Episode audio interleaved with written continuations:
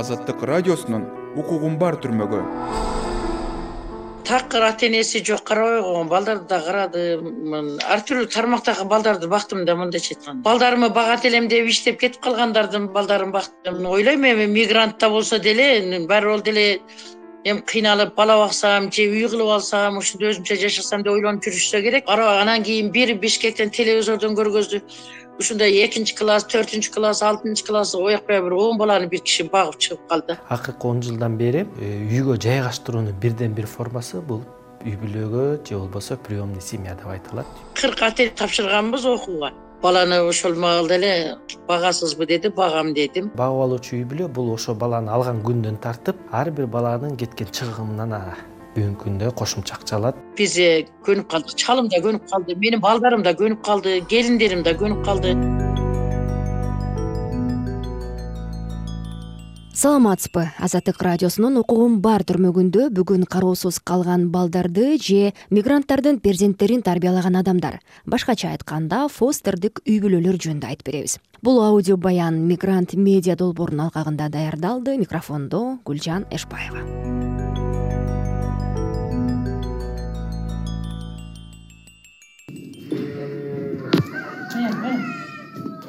Жолго ойнойлукпу чоңураак. Баскыра жолго ойнойбуз такыр ата энеси жок карабай койгон балдарды да карадым ар түрдүү тармактагы балдарды бактым да мындайча айтканда. Көпчүлүгү кыйналган семьялар да эми. Атасы рапия акимжанова он жылдан бери ош облусунун алай районунда кароосуз калган балдарды багат ал караган чүрпөлөрдүн көбү мигранттардын балдары. Мындай кишилерди бакма ата эне же фостердик үй бүлө деп аташат. Алар балдарды убактылуу карап беришет. Бактым ол апасы ошол россияга иштеп кетип ошонун балдарын карадым. Анан кийин дагы ошондой балдардан дагы бир кара сууда иштеп анан кийин алматага барып иштеп келем деген дагы бир эки кызды бактым. Эми бакса болот эми бактым. Олар эми эмнеси болсо дагы балдарынан кабар алып жүрүштү. Анан азыр эми багып аткан балам дагы эле ошондой мигранттын баласы э, бир жарым жашынан тартып карадым бирок баласынан такыр кабар албады келбеди сурабады телефондон да сурабады. Бала менен иши жок бирок э, дагы эле иштеп жүрөт. Ойлойм эми мигрантта болсо деле баары бир деле эми кыйналып бала баксам же үй кылып алсам ушинтип өзүмчө жашасам деп ойлонуп жүрүшсө керек. Мектепке бердим баланы детсадка бердим. Агайларга деле мугалимдерге деле чоң рахмат. Ошолор билбей калса да көтөрмөлөп алдыңкы окуучулардын катарына теңеп ушулардын көңүлүн өксүткөн жок да. Э, айрыкча эми бул балдарга негизи постердик. Эмеге соц сочетатакылар э, өздөрүнүн мээримин чачып жумада ар жума сайын болбосо дагы бир айдын ичинде эки үч жолу келип кабар алып ушул балдар кандай болуп атат деп мээримин чачып ошолордон сурап келип жүрүштү фостердик үй бүлөлөр атайын окуудан өтүшөт тест тапшырган соң убактылуу бала багуучу боло алат. Калктын айырылуу катмарын өнүктүрүү жана коргоо борборунун директору зайнап эшмуратовадан толугураак маалымат алабыз. Эки миң он үчүнчү жылдан жылда биринчи бул фостерди окутууну баштаганбыз. Ага чейин мен э, эки миң сегизинчи жылы э, он экинчи жылы э, атайын бишкек шаарындагы эл аралык уюмдардын эл аралык алт уюмунун атайын окуусунан өткөнмүн. Менин эл аралык уюмда өзүм иштеген сегиз жылдык тажрыйбам ушул фостердик камкордукту камкордуктун негизги маани маңызын жана негизги методикалык э, эме иштөө формаларын э, бул тажрыйбам кеңири арттырды деп ойлосом болот да мен өзү негизи баякы эле кыргызстанда көпчүлүк эле ушу соода саттык боюнча ошо мигрант болуп баары эле россияга алматы аяк буяка кетишип көп балдар багып көчөдө калып кетти го көп эле бала мисалга. Анан кийин бир бишкектен телевизордон көргөздү. Ушундай экинчи класс төртүнчү класс алтынчы класс оякбай бир он баланы бир киши багып чыгып калды. Баякыларды баккан балдарды көрүп алып мен ошолорду өзүмчө боор ачып жүрүп эле анан менин э, бир сиңдим бир балалуу болгон боюнча эле анан күйөөсү өтүп кетти эле анан бала издеп калдык. Экөөбүз ошол балдар үйүнө бардык. Балдар үйүнө барып барсак эле. Азыр өчүрүт жок сиздерге окшогондордон миңи бар деп койду. Анан эле эки үч күндөн кийин эле ушул окуу жаңыдан башталып атат.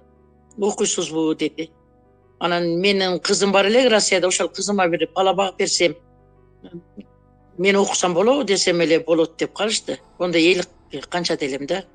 Болот деп калды. Анан кызымчы десем жок россияда кызыңызга болбойт өзүңүзгө болот деп. Анан окудум ояк биягы бир кырк кырк ответ тапшырганбыз окууга. Кыркыбыздан онубуз өтүп кетти. Анан ошо тестированиелерден баягы жооп берген эмелерден жакшы жооп бергеним үчүн ырахмат алдым. Деги эле олорго бааладай жооп берип алыпмын ошо анан баланы ошол маалда эле багасызбы деди багам дедим. Анан олор да ушул суроолорду берди сизде ушунча небереңиз болсо ушунча балаңыз болсо кызыңыз болсо сиз эмнеге кызыгып мен баккым келип атат боорум ачып атат дедим мен. Ошо бул баланы көргөндө эзилип эле баккым келди балдарым турса учурда кыргызстанда фостердик ата энеликке окутулган миңдей үй бүлө бар. Балдарды жана үй бүлөнү коргоо башкармалыгынын башчысы бакыт тодойгелдиев алардын каржылык абалын түшүндүрүп берди. Бүгүнкү күндө багып алуучу үй бүлө бул ошо баланы алган күндөн тартып бир күндө болобу канча убакыт талап кылат эки жыл үч жыл канча убакыт талап кылса ошого чейин бакканга ар бир баланын кеткен чыгымынан бүгүнкү күндө кошумча акча алат. Ошол эле учурда ошол үй бүлө э, бир убакытта беш баланы бакканга укугу бар. Бирок ошол эле учурда өзүнүн он сегиз жашка толо элек балдары болсо өзүнүн балдарын кошкондо беш бала болуш керек. Ошол эле учурда ошол үй бүлө багып алуучу үй бүлө болуш үчүн биринчи очередте баягы жери боюнча биздин шаардык социалдык кызматкерлерге барып башкармалыктарга барып башкармалыктарга тиешелүү өзүнүн документин тапшырып документтин негизинде анан кийин кандидат боло алат. Кандидаттын негизинде атайын министрлик тарабынан уюштурулган э, кандайдыр бир окууну өтүш керек. Ошол окуудан сертификат алгандан кийин ошол үй бүлө багып алуучу үй бүлө болот. Токсон үч миң бала бүгүнкү күндө ата энеси миграцияда жүргөн балдар табылган. Ошонун ичинен сексен сегиз бала э, такыр ата энесине баягы үй бүлөсүнө такыр тиешеси жок адамдардан табылган. Мисалы ошол сыяктуу үй бүлөлөрдү же ошол сыяктуу балдарды бүгүнкү күндө ошо багып алуучу үй бүлөгө жайгаштырганга болот да фостердик үй бүлө бир райондо бар бир райондо жок. Ошол себептен бүгүнкү күндө жалпы республика боюнча э, окуудан өткөн негизи миңден ашык үй бүлө бар. Бирок бүгүнкү күндө эгер ала турган болсок сизге айткан жетимиш алты үй бүлөдө жүз жетимиш алты бала бар ошол эле учурда жалпы республика боюнча буга атайын каражат каралган. Мисалы өткөн жылкы андан кийинки жылдарды салыштыра турган болсок э, мамлекеттин эсебинен жыйырма миллион сом каралган. Эми быйылкы жылдан тартып ошо фостерлик үй бүлөнүн же багып алуучу үй бүлөнүн баягы э, талабынын негизинде ошол эле учурда алардын баягы эмесин өркүндөтүү максатта быйыл болсо кырк миллион сомдон ашык каралган фостердик үй бүлөнүн жашоо шарты мааниге ээ багуучулар отуз беш жаштан алтымыш беш жашка чейин болушу шарт. Негизи эле баягы башкы мыйзамдын негизинде ар бир ата эне өзүнүн баласын бакканга милдеттүү деп турат. Ошол себептен бүгүнкү күндө мамлекет ошо э, турмуштук коркуларда кабылган балдарга же болбосо жетим балдарга же болбосо ата энесинен көзөмөлсүз калган балдарга гана мамлекеттик карамына алып анан тиешелүү ишин алып барат да. Ошонун бирден бири бул бүгүнкү күнгө чейин өзүңүздөр билгенге чейин көп убакытта эле баягы интернат деген түшүнүк бар болчу. Себеби дегенде ошо интернатка ушул сыяктуу балдардын баарын жайгаштырып ал жерде тиешелүү баягы эме өткөзчүчү да. Баягы тарбия алчу билим алчу дегенде бирок эми акыркы учурларда акыркы он жылдан бери э, ошо э, үйгө жайгаштыруунун бирден бир формасы бул үй бүлөгө же болбосо приемный семья деп айтылат. Бала багып алуучу үй бүлө деп. Ал ошол үй бүлөнүн бүгүнкү күндөгү негизги максаты ошол эле жана интернатка окшоп окшогон сыяктуу эле балдарды келишимдин негизинде алып анан профессионалдык ал үй бүлө тарбия гана берет балдарга. Бирок бул балдар эч качан ошол үй бүлөнүн көзөмөлсүз ата эне катары саналбайт ошол эле учурда асыроого алган адам катары же жаран катары саналбайт да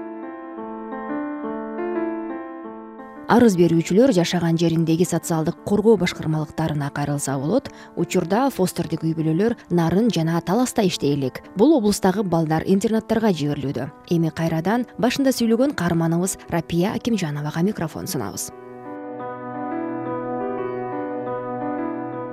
Биз көнүп калдык чалым да көнүп калды менин балдарым да көнүп калды келиндерим да көнүп калды. Олор келгенде балдарын өздөрүнүн апаларыныкына таштап келишет. Апамын балдары бар дешип менин эми үйдө э, өзүм мурун балдар бакчасында иштегенмин. Чалым э, шофер болуп иштеген анан охотник болуп иштеди. Азыр эми экөөбүз тең эле пенсиядабыз. Пенсиябыз он миңден. Балдарды коргоочу мамлекеттик мекемелер фостердик үй бүлөнү өнүктүрүү башкы максат эмес дешет. Себеби ар бир ата эне баласына жоопкерчилик алышы зарыл сиз азаттык радиосунун укугум бар түрмөгүн уктуңуз кароосуз калган балдарды же мигранттардын перзенттерин тарбиялаган адамдар. Башкача айтканда фостердик үй бүлөлөр жөнүндө кеп кылдык. Баянды мигрант медиа долбоорунун алкагында мен гүлжан ашбаева сунуштадым